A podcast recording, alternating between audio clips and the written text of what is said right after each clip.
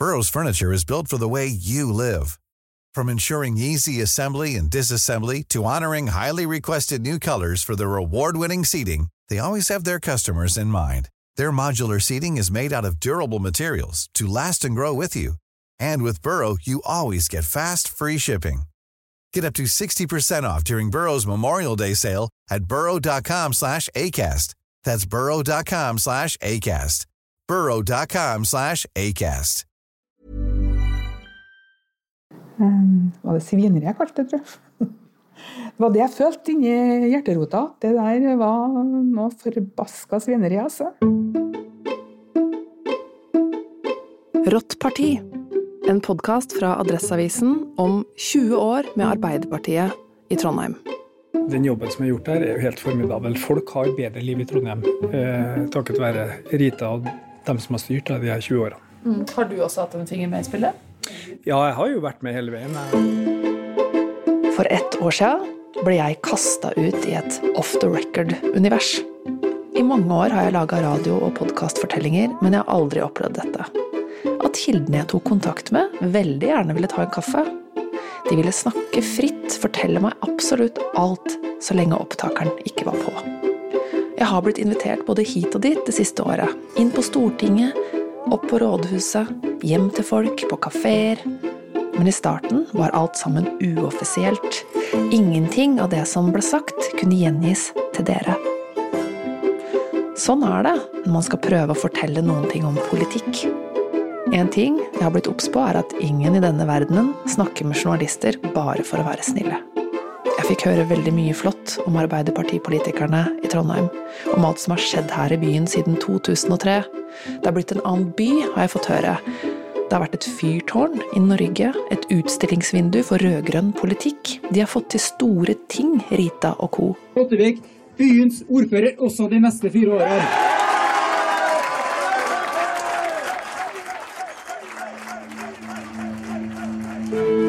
Men jeg har også fått høre at det var en vennegjeng som styrte byen vår.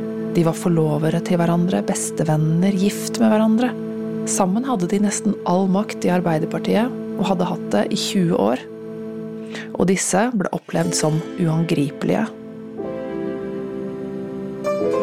Jeg fikk høre om å gi hverandre maktposisjoner, om tette bånd og en seksualisert kultur.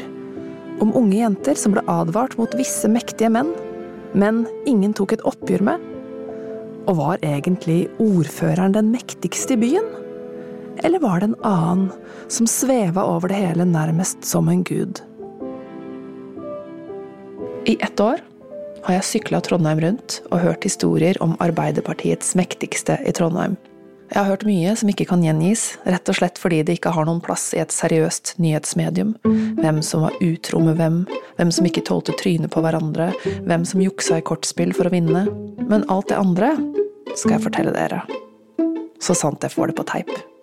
Jeg heter Anne Dorthe Lunås. Første episode Rottereiret.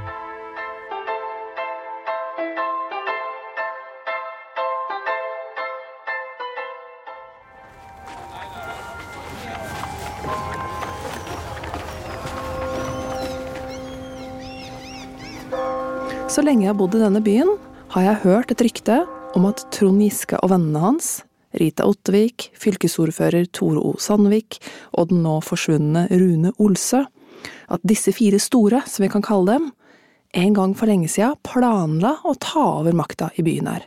På et nachspiel. På Møllenberg. Alle jeg kjenner synes å ha hørt en eller annen variant av denne historien. Også de politiske kommentatorene som kjenner Trondheim godt, har hørt det. Ja, det er jo en kjent vandrehistorie, men om det er sant eller ikke, det vet jeg jo ikke, men det er jo sånn det har sett ut. Tone Sofie Aglen er politisk kommentator i NRK, men har jobba mange år i Adresseavisa før det, og vært tett på politikken her.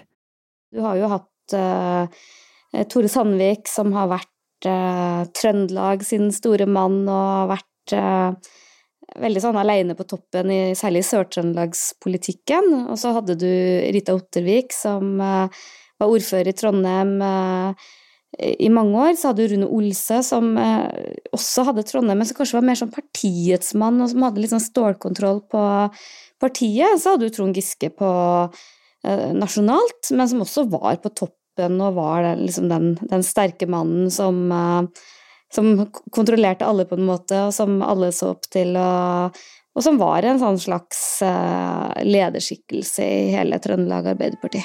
Ok, vi går videre til Siv Sandvik, politisk kommentator i Adresseavisen i dag. Har hun hørt historien? Ja, men jeg hørte den bare veldig sånn på overflata. Og så har jeg også hørt at det er veldig overdrevet. At det er en sånn god historie. Det er noen bilder fra den tida blant annet, som har blitt plukka fram. Ikke sant? Du ser at samme gjeng har vært venner veldig lenge. Eh, så jeg tror, jeg tror på én måte at den gjengen liker veldig godt det bildet. For de lyktes jo. altså Ikke med at Trond Giske ble statsminister, da, men med å ta over makta i byen og holde den i 20 år. Og veldig mange av de samme personene har lyktes veldig godt. Så jeg tror de er veldig sånn liker det bildet. Men samtidig vil prøve å si at det var ikke helt sånn. For ikke, det er ikke sånn at vi er sånn puppet masters heller. Så det er sånn tosidig bilde. Men er det viktig å finne ut av hvem som er venner med hvem i politikken? Ja. Fordi hvem som er venner med hvem, kan også ha en del å si for makt. Og så er det viktig også, særlig har vi jo sett i, i de varslingssakene som har vært i Trøndelag, der enkelte har sagt at det har vært vanskelig å si fra til noen voksne eller til dem med makt, fordi de har hatt så tette bånd. Og så har vi Snorre Valen, som er politisk redaktør i Trønderdebatt. Har han hørt historien? Om de fire store på nachspiel? Ja, det har jeg hørt. Men, men, jeg vet ikke om det er sant. jeg har hørt det mange ganger. Altså, så det er jo mer enn noe du hører liksom gang, så er det mer en fortelling som går igjen veldig mange steder i Trondheim. At det var en gjeng i den, den gang AUF da, som var veldig sånn målretta og nærmest fordelte posisjoner eh, under et nachspiel en gang. Sa du skal dit, og du skal ta over der, og nå er det vår tur. Og her er det viktig å understreke, mener Snorre, at det å sitte og planlegge i maktposisjoner og legge strategier ikke er noe uvanlig eller noe illegitimt i seg sjøl. Jeg har jo sjøl sittet på nachspiel og diskutert verv og hvem skal hvor, men bare ikke i Arbeiderpartiet. da. Så det er, det er ikke like muteomspunnet når man kommer fra et lite parti. Du har liksom to typer folk som er aktive og får ledende verv i et parti. Det er de som har gått hele skolen fra de var 14-15 år i et ungdomsparti, og så har du de som har levd et litt sunnere liv da, og kommet inn i politikken på annet vis. Men jeg har jo sjøl bakgrunn i ungdomspartiet, så jeg kjenner veldig igjen det der um, Fortellingene om at man legger en plan langt fram i tid om hvem som skal kunne ta over hvilke posisjoner og sånn. Det har noe fint i seg, fordi du lærer folk opp i liksom demokratisk aktivitet og det å bygge et parti, men det har òg en veldig problematisk side ved seg, og det er at du får en litt sånn spillteoretisk eller transaksjonell måte å forstå politikk på. Da. Der, vel, altså, der politikk går fra å være kamp, en interessekamp på samfunnsnivå til å bli vel så mye en kamp om posisjoner internt i et parti. Vi vet ikke om dette er sant, sier kommentatorene, men de har også hørt historien. Så kanskje vi en gang for alle skal komme til bunns i dette her? Det aller første jeg nå gjør, er å ringe til Trond Giske. Hvor skal man ellers starte? Trond har vært en trondhjemmer å regne med fra han var veldig ung. Han tok to linjer på katedralskolen samtidig, både akademiske fag og musikklinja, og landa på så gode resultater at han fikk en kongelig medalje for det. Og når han da begynte å engasjere seg i politikk, så er det kanskje ikke så rart at folk fra et tidlig tidspunkt hviska om at han en dag kom til å bli statsminister. Og kanskje satt de altså på et nachspiel på Møllenberg en gang på 90-tallet og planla hvordan dette skulle skje? Vel, når jeg snakker med Trond, så sier han at et sånt nachspiel er bare tull. Men da jeg møter ham noen dager senere på Folkets hus, der han holder til med Nidaros sosialdemokratiske forum i disse dager, så svarer han gjerne på noen spørsmål om den æraen som nå er over ved at Rita går av som ordfører etter 20 år. Og hvis du hører etter når jeg prater med Trond, så prøver jeg å komme litt inn på dette med finger i spillet, om han har stått bak Rita og dyttet henne fram. Mens Trond vil snakke om politikk. Forståelig nok. Hva tenker du om at det blir ny ordfører i Trondheim? da? Syns du det er vemodig at eh, Rita skal gå av? Ja, Jeg har jo jobba med Rita helt siden 1989. Jeg ble valgt til leder i AF Sør-Trøndelag i januar 1989. Og det første jeg gjorde, det var å dra opp på studentsamskipnaden og spørre Rita Ottervik om hun ikke kunne tenke seg å komme og bli sekretær for AF Sør-Trøndelag den gangen. Det kunne jeg. Så jobba vi sammen der, og i 1990 kom vi inn i sentralstyret i AUF sammen. Og i 1992 så var jo jeg leder, og hun sekretær i AUF på landsplan i fire år. Og så kom jeg inn på Stortinget, og så ble hun andrekandidat i 99, og i 2003 ble hun ordfører. Så vi har jo jobba sammen i 30 år, mer, mer enn det. Er du Så- stolt av hva dere har fått til i Trondheim? Ja, det er jeg veldig stolt av. Den jobben som er gjort der, er jo helt formidabel. Folk har bedre liv i Trondheim eh, takket være Rita og dem som har styrt de her 20 årene. Mm. Har du også hatt en finger med i spillet? Ja, jeg har jo vært med hele veien. Jeg har jo jeg har jo vært valgkampleder i noen valg og eh, sittet i Trondheimspartistyret gjennom alle disse årene som stortingsrepresentant. Så eh, det har jo vært et lagarbeid. Den neste jeg vil snakke med, er Rita Ottevik sjøl. Har hun planlagt å bli ordfører på nachspiel, og hadde Trond Giske en finger med i spillet? Jeg får audiens på rådhuset med Rita og rusler dit. Litt spent på hvordan jeg skal legge dette fram, disse mytene. Hei, hei. Skal besøke Rita klokka ett. Rita Ottevik klokka ett. Rita Ottevik? Ja. Så jeg er litt tidlig ute, men eh, håpet var at hun hadde tid litt før.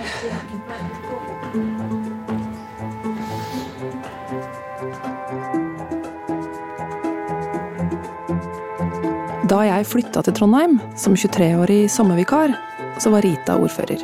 Nå har jeg for lengst fast jobb, boliglån og to barn, men Rita er fortsatt ordfører. Nå kommer hun mot meg, og hun ser ut som seg sjøl. Rektangulære briller og en liksom fast og effektiv tilstedeværelse. Hei, hei. Hei! Du må vel rigge deg til litt med lyd og sånn, du? Ja da. Men det er jo ikke så veldig Det er ikke så komplisert. Jeg får bli med inn på kontoret til Rita. Der er det høyt under taket og utsikt til Nidarosdomen. På veggene henger det gamle oljemalerier av menn, men det er også en skinnsofa fra 2003 eller der omkring i lokalet, bare for å minne oss om at vi tross alt er i en kommune. For å varme litt opp før jeg spør Rita om det med nachspielet og Trond Giske, jeg nevner for Rita at samboeren min så henne stå i kø på McDonald's for ikke så lenge siden, og at vi snakka om det, at det var fint, at ordføreren sto der i kø, som alle oss andre. Er du glad i Mækkern? Nei, det er nok ikke så ofte jeg er der. Eh, Men av og til så blir det på en måte full fart innom å, før du skal på et eller annet hvor det ikke er noe særlig servering. Eh, Men du må huske på at lokalpolitikere er som vanlige folk. Ok, nå har vi blitt litt bedre kjent med Rita. Hun er en helt vanlig dame med en uvanlig mektig jobb. Og den jobben har hun garantert fått fordi hun hadde den rette CV-en. Før hun ble ordfører, så var hun både generalsekretær i AUF, politisk rådgiver for Torbjørn Jagland og kommunalråd. Men det skal ikke stikkes under en stol at hun hadde de helt rette kontaktene også. Rita har fra hun var ung tilhørt kretsen rundt Trond Giske, som han sier. Og da Trond gifta seg med Haddy, så var Tore Norseth, mannen til Rita, forlover. Det er langvarige vennskap vi snakker om, som stammer tilbake fra tiden som AUF-ere i Trondheim.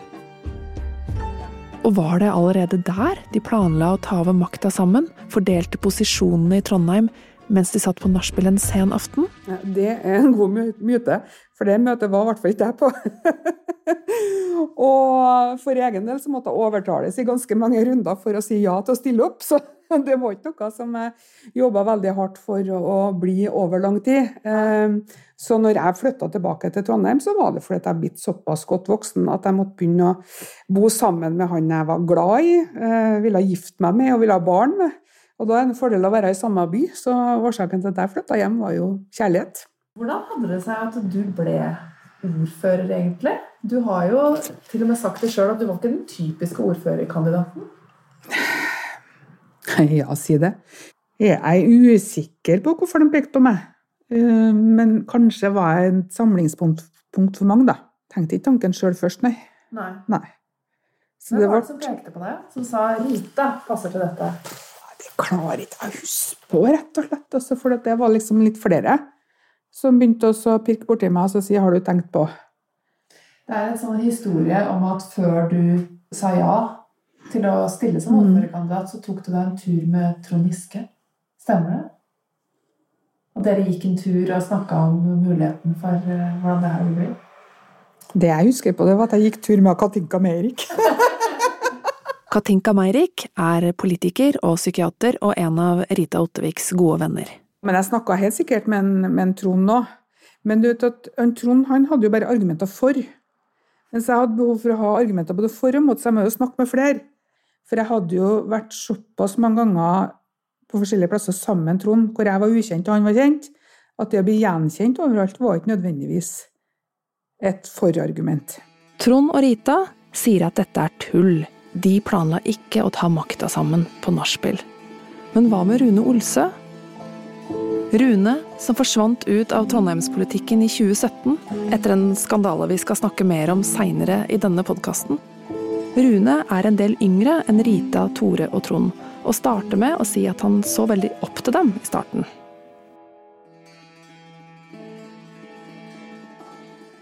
Og så møtte jeg jo en gjeng som var litt eldre enn meg, eh, generasjonsmessig, men som jeg begynte å da være veldig mye sammen med. Eh, Tore Sandvik, Rita Ottevik, eh, Trond Giske eh, og en rekke av de her eh, folkene. Så der kom jo på en måte inn i den generasjonen. Jeg husker vi satt og, og drakk øl på Indian Pizza Bar, ikke så langt unna Samfunnet. Indian Pizza Bar. Det var et eh, Odd Iversen satt ofte på nabobordet. Eh, så der satt vi og drakk øl og, og planla og drev med sånne eh, aksjoner for billigere kollektivtrafikk i, i Trøndelag. Og, ja. Ok, så var det på Indian Pizza Bar, da, ikke på et nachspiel, at Rune, Trond, Rita og Tore, med flere kanskje også, planla hvordan de skulle få makta i Trondheim, med Trond på topp som statsminister. Men Rune drar på det. Jeg får ingen bekreftelse av myten her heller. Men på spørsmål om de unge den gangen følte seg som et kraftsentrum, at de hadde verden for sine føtter, så svarer Rune slik. Nei, det tror ikke jeg vi følte. Vi følte oss nok ganske små i den store sammenhengen. Men det vi følte, eh, og på en måte innså, for det er jo noe jeg tror fremdeles den dag i dag, at hvis du skal forandre verden, så er det ofte en liten gruppe mennesker som forandrer verden. Som kan forandre en by, som kan forandre et fylke, som kan forandre et land. Faktisk de fleste gangene at det har skjedd store ting som har forandra verden, så har det vært relativt små grupperinger som eh, gjennom parti eller bevegelser har, har, gjort det. Så den erkjennelsen tror jeg man skal ha at eh, man, man har en enorm kraft selv om man starter som få.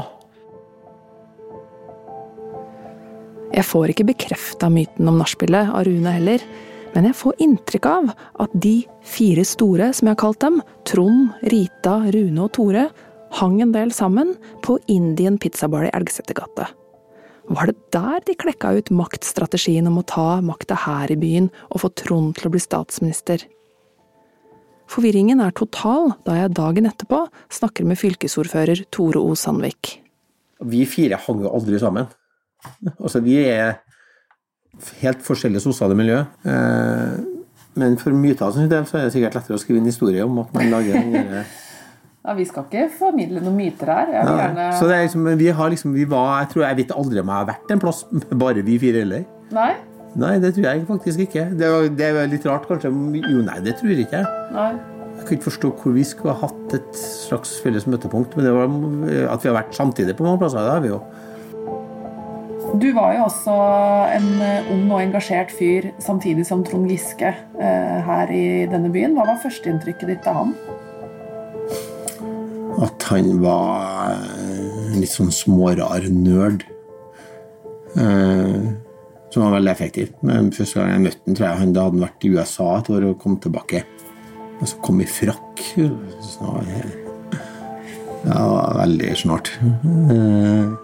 En brennende politisk kraft. Var egentlig kanskje var utrolig effektiv og eh, med stor omsorg for dem rundt seg. Eh, så ja, det var det første inntrykket. da.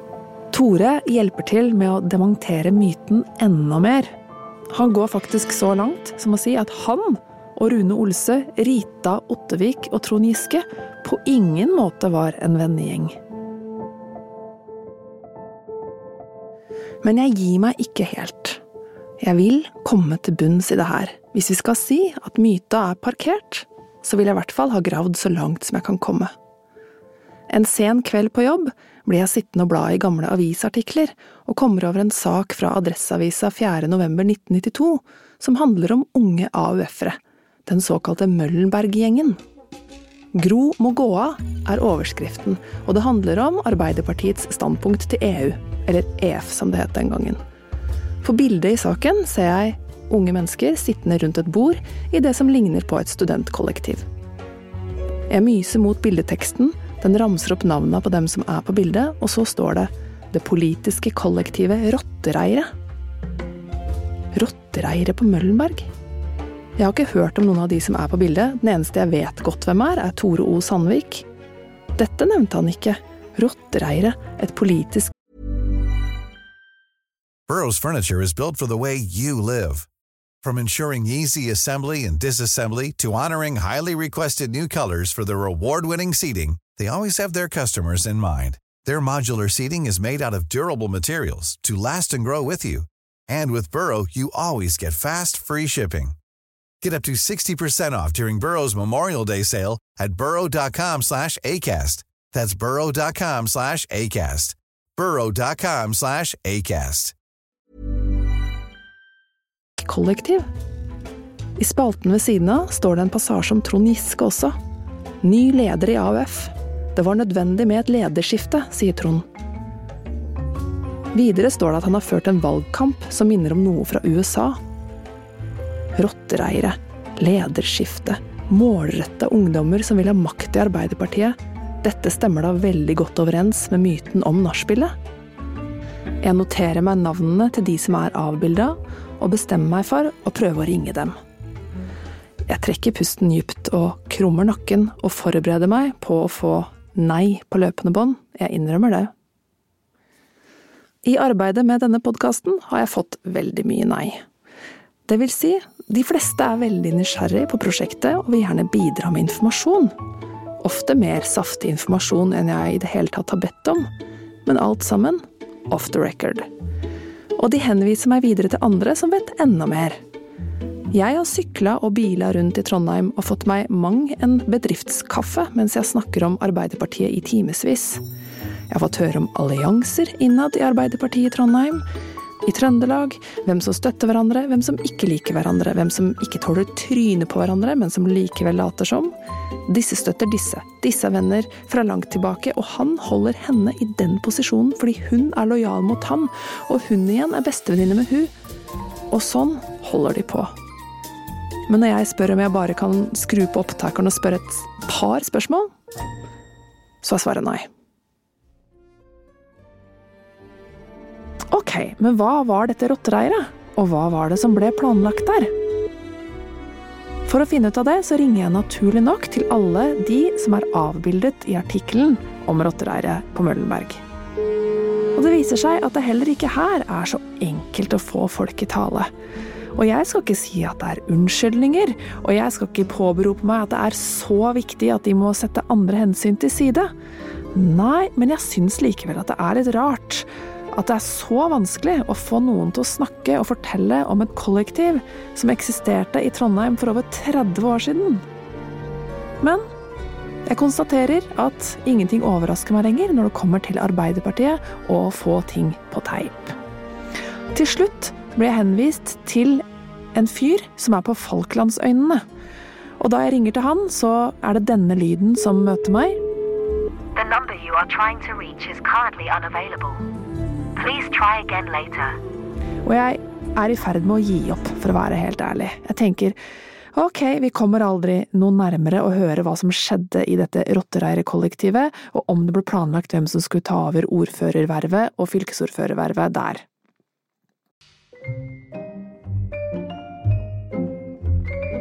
Men så skjer det overraskende, nemlig at jeg blir kontaktet av han jeg hadde ringt opp på Falklandsøyene, som unnskylder at han var borte, og som inviterer meg til Oslo for å snakke nærmere om nettopp rottereiret. Og jeg kaster meg på nærmeste nattog og tøffer av gårde mot Oslo. Dagen etterpå befinner jeg meg utenfor Stortinget og står der sammen med en eh, skoleklasse og venter på å bli sluppet inn. Jo Heinum er kommunikasjonsansvarlig på Stortinget for Arbeiderpartiet, men har en fortid som AUF-er i Trondheim, og bodde faktisk i det myteomspundne Rottereiret. Jeg skal bare til Jo Heinum, tror jeg sitter her og venter på meg. Ja, men da er det bare å komme. Ja. Kontroll, sånn flyplass. Ja, skal se. Ja, åssen har morgenmøtet deres vært i dag, lurte jeg på. Ok, hva er det du spesielt tenker på? Det er jo oppslag overalt, da. Nye krisemålinger og Å ja, den målinga den, den tok vi ut frustrasjonen i fem sekunder på i går. Ok. Så Det er mye vi kunne ha snakka med Jo om.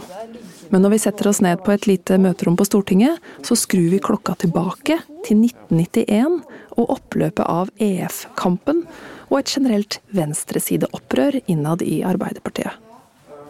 Jeg føler ingen skam med at jeg liksom forteller at vi, eh, vi var litt kalkulert i en del sammenhenger, fordi at vi opplevde at det vi sto for, var veldig viktig og veldig edelt. Det var, det var den gode sak vi kjempa for.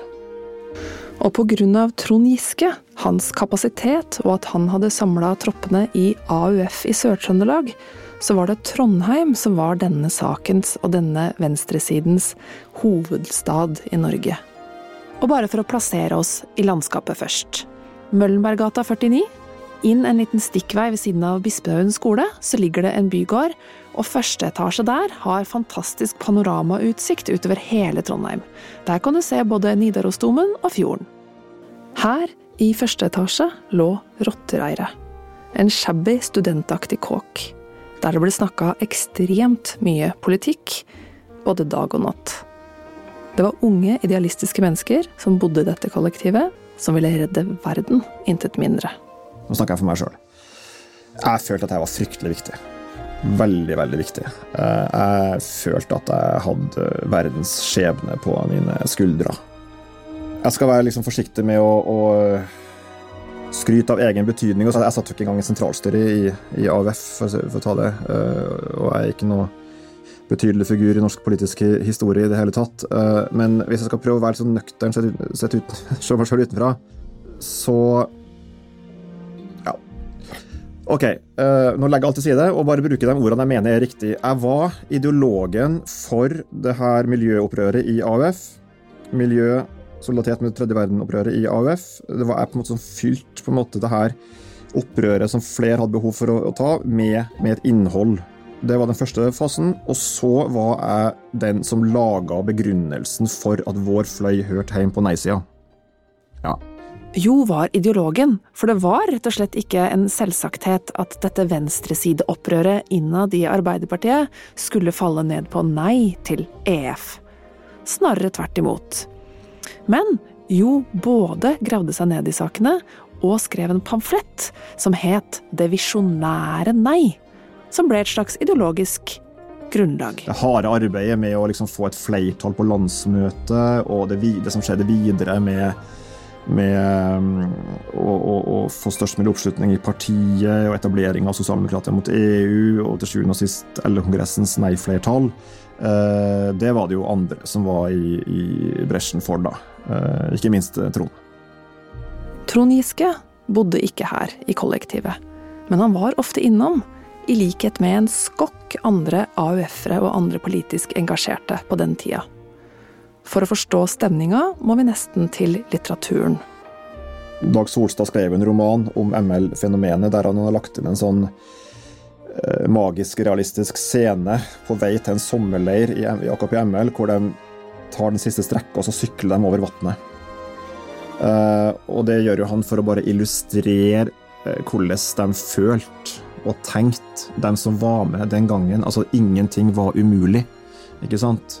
De hadde et vanvittig, eh, en vanvittig tru på at eh, selv om de faktisk bare var en liten håndfull mennesker, eh, så var det bare et tidsspørsmål før de hadde forandra hele Norge og hadde verden for sine føtter. ikke sant? det var mye som skilte oss fra de folkene, på sett og vis, men, men akkurat det der, det gjaldt òg egentlig mange av oss, altså. Og i hvert fall meg. Vi nå? Ja, jeg har altså ikke vært her på 30 år, og vel så det. Men uh, jeg mener det er innover veien her, ja.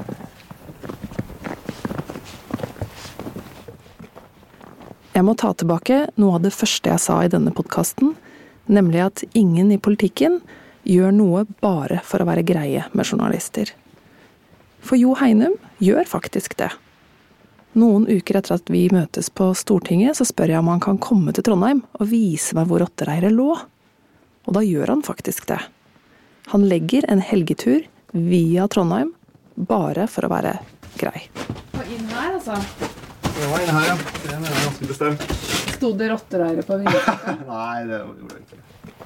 Det navnet eh, på det her kollektivet i Øvre Møllenberg gate, det, det var Vi brukte det sånn sjølironisk eh, etter hvert, eh, men eh, det skrev seg fra en fleipete kommentar fra en som da var redaktør i medlemsbladet til AUF, og som ikke var enig med det vi holdt på med, og som, og som kommenterte Eller som benevnt eh, kollektivet på den måten der. Måten der. Vi syntes det var gøy, sånn at vi har brukt det. Og så ble det vel også plukka opp av Adresseavisa høsten i, oppslag høsten 92.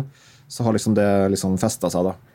En ting jeg tidlig merker at det er viktig for Jo å få sagt, er at den fraksjonen som en gang eksisterte i AUF og Arbeiderpartiet, ikke eksisterer fortsatt.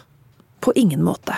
Altså, Jeg kan godt fortelle veldig mye om eh, hva som skjedde den gangen, og jeg kan fortelle mye om hva det betydde. Eh, men jeg vil òg egentlig konstatere at uh, betydninga i dag er minimal. Eh, Trondheim og, og Trøndelag og lokalpolitikken der, det skal jeg ikke si noe om, for det har jeg lite greie på. Det har Adresseavisa mye bedre greie på enn meg. Men nasjonalt så eksisterer det ikke noen fløy i Arbeiderpartiet i dag som kan skrive seg tilbake til en, eh, en fraksjon, et miljø, i AUF tidlig på 1990-tallet. Verken politisk eller personlig. Politisk så har jo vi som var med den gangen, bevega oss i uh, ulike retninger. Kan gi mange eksempler på det. Uh, og personlig så er det egentlig ganske tilfeldig hvem som har kontakt med hvem, og, og, og hvor mye. Mm. Uh, og det er litt viktig å si, fordi at det er lett for utenforstående å bli litt sånn ja, konspiratorisk. og det, det har jeg jo erfart sjøl at en del av dem som var aktive i AUF og Arbeiderpartiet den gangen, men som ikke var en del av det her miljøet, men mer uh, motstandere av det her miljøet, uh, nærmest har for gitt at uh, ingenting endrer seg. men det gjør det. Det har alltid, og spesielt de senere åra, vært mange historier rundt hvem som er Trond Giske-allierte i mediene. Jo har også kjent på dette, ettersom han var såpass nær Trond en gang i tida. De siste 20 årene så har jeg nesten ikke snakka med Trond. Ikke sant? Vi tok en kaffe i 2020. Vi snakket ganske lenge da. Men vi har jo så å si ikke hatt kontakt. Ikke sant? Um, og, og, det gjelder jo mange andre. Samtidig som han har jo fått seg nye kontakter som ikke hadde noe med den tida der å gjøre. Så det er derfor det der bildet liksom av at uh, her ble det nærmest inngått en slags pakt, og så skal vi plasseres her og der og være sånne sovende celler før vi liksom plutselig skal slå til.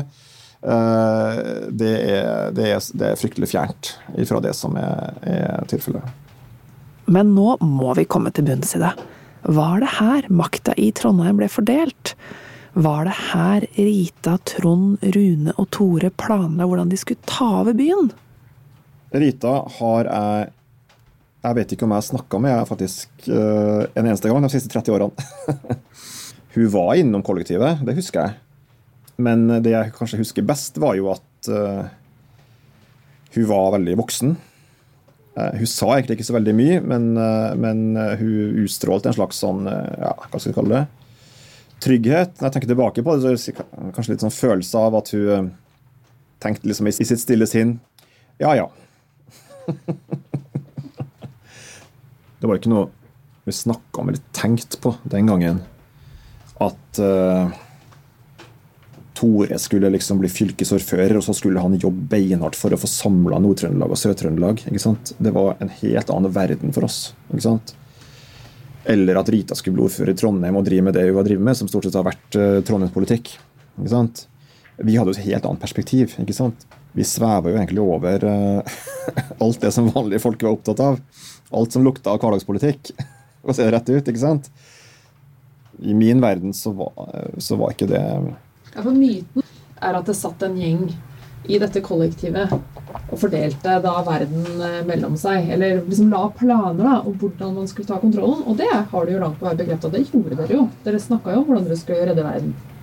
Ja, det gjorde vi. Eh, men jeg kjenner ikke til at eh, vi hadde, hadde sånn type veikart 10-15-20 år fram i tid, for å si det sånn, på at du skal dit og du skal dit. Det vi hadde fullt fokus på, det året jeg var der, uh, det var jo veikartet fram mot vårt eget landsmøte i 1992 for å sikre at det ble nei-flertall. Da var det litt sånn, ikke sant? Mm. Ja. Så dere snakka aldri om sånn Trond er vår statsminister?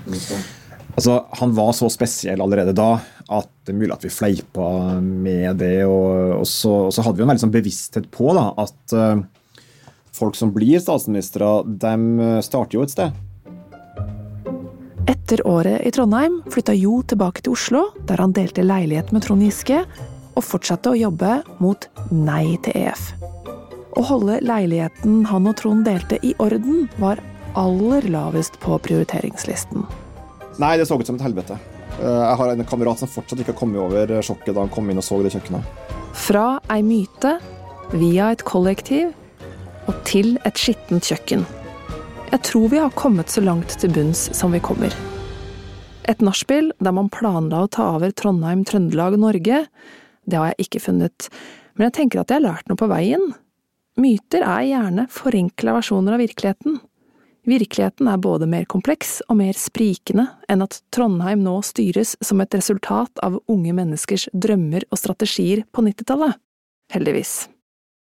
Tilbake på Ritas kontor, der hun i 20 år har kommet tidlig og gått sent, er det på tide å ta en annen myte ved hornene, nemlig at Trond Giske har svevet over henne som en gud.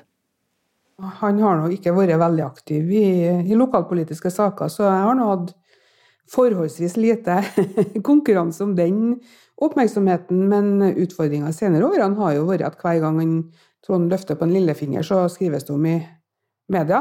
Og da er det mange andre som på en måte ikke får den oppmerksomheten. Det er jo en utfordring. Men så er det sånne historier som går som på en måte man, man tenker at kanskje preger politikken. ikke sant? Og det er det jeg hadde lyst til å finne ut av med deg. da. Fordi en av de tingene som liksom sies om Trond Giske, f.eks., som er jo en, en, figur her i Trondheim, er at han på en måte sitter og drar i tråder og bestemmer ting som ikke vi kan se. ikke sant? Er det sånn? Han drar, drar veldig lite i tråd med meg, i så fall. Eh, jeg tror ikke han har blanda seg borti en eneste kommunal sak. Altså. Nei. Jeg klarer ikke, jeg vet, Det jeg husker på, var fra helt fra starten, så var han en av dere ildsjelene som var veldig opptatt av at vi skulle få til Kosmorama. Det var han opptatt av at kommunen skulle dra i gang. Det er 15-20 år siden. 20 år siden. Eh, snart. Ellers har han vært veldig lite på banen i forhold til kommunale saker. Han har vært rikspolitisk opptatt. Han har vært opptatt av å få til nasjonale vedtak som har betydning for Trondheim. Både med Rockheim, for eksempel, ja. Det er et veldig godt eksempel. Men mange andre sånne enkeltsaker også. Men veldig lite opptatt av det jeg har vært opptatt av ja. i kommunepolitikken. Myter skal få være myter. Myten sier at Rita, Tore, Rune og Trond planla i detalj å ta over makta her i Trondheim på et nachspiel på 90-tallet. Men vi har jo lært at Rita aldri er på nachspiel, og at disse fire politikerne tilhørte forskjellige vennegjenger. Og ikke minst at Trond for lengst hadde flytta tilbake til Oslo da Rita kom hit til Trondheim igjen. Mye tyder derfor på at myten er en myte av ukjent opphav. Å lage på en måte myter eller historier som passer til det man ønsker å framstille seg sjøl som. Da kan det hende at noen av oss andre nå blir med i det dragsuget uten at vi egentlig vet om det. Kanskje er det ikke mer komplisert enn at Rita var rett kvinne til rett tid og at hun sjøl skal få æren for jobben hun har gjort som ordfører i Trondheim i 20 år. Det provoserer meg innimellom, for jeg har blitt intervjua av riksmedia, som har stilt meg spørsmål i retning av at ja, hvordan er det å ha en slik mann i ryggen, liksom? Og da har jeg svart på pur faen at ja, det er jeg glad for, for mannen min han har stilt opp mye. Han har henta unger i barnehagen, og han har handla inn. Eh, vel vitende om at det var en Trond de spurte om. Eh, for jeg blir ganske provosert egentlig av at vi, alle vi andre, vi skal liksom måles opp imot en Trond, eller tro at en Trond som styrer oss, eller er den som eh, er i hverdagen vår. Sånn er det jo ikke. Og så blir jeg litt sånn provosert på kvinnenes vegne, da, at man tror at menn skal stå bakom og styre kvinner. Det kjenner jeg jeg blir ganske sint for. Jeg må bare beklage den raseriet, men jeg blir så innmari lei. Av hva da? Av det der med at en Trond skal være så vesentlig bestandig. Nå er den fortsatt på, da, men er det greit, eller? Ja, det er greit. Ja. I neste episode av Rått parti skal vi få høre om hvordan Rita Ottervik, Rune Olsø Tore O. Sandvik og de andre som ble igjen i Trondheim når Trond Giske dro til Oslo, bygde partiet og etter hvert fikk makta i Trondheim. Mange år at Rita var en ordfører som ble lagt merke til. Det de gjorde i Trondheim var ganske banebrytende. Full sykehjemsdekning, barnehageløfte. Også var veldig tidlig ute med en miljøpakke. Så det har vært veldig mange år at det var liksom lukt til Trondheim og, og Rita Ottervik.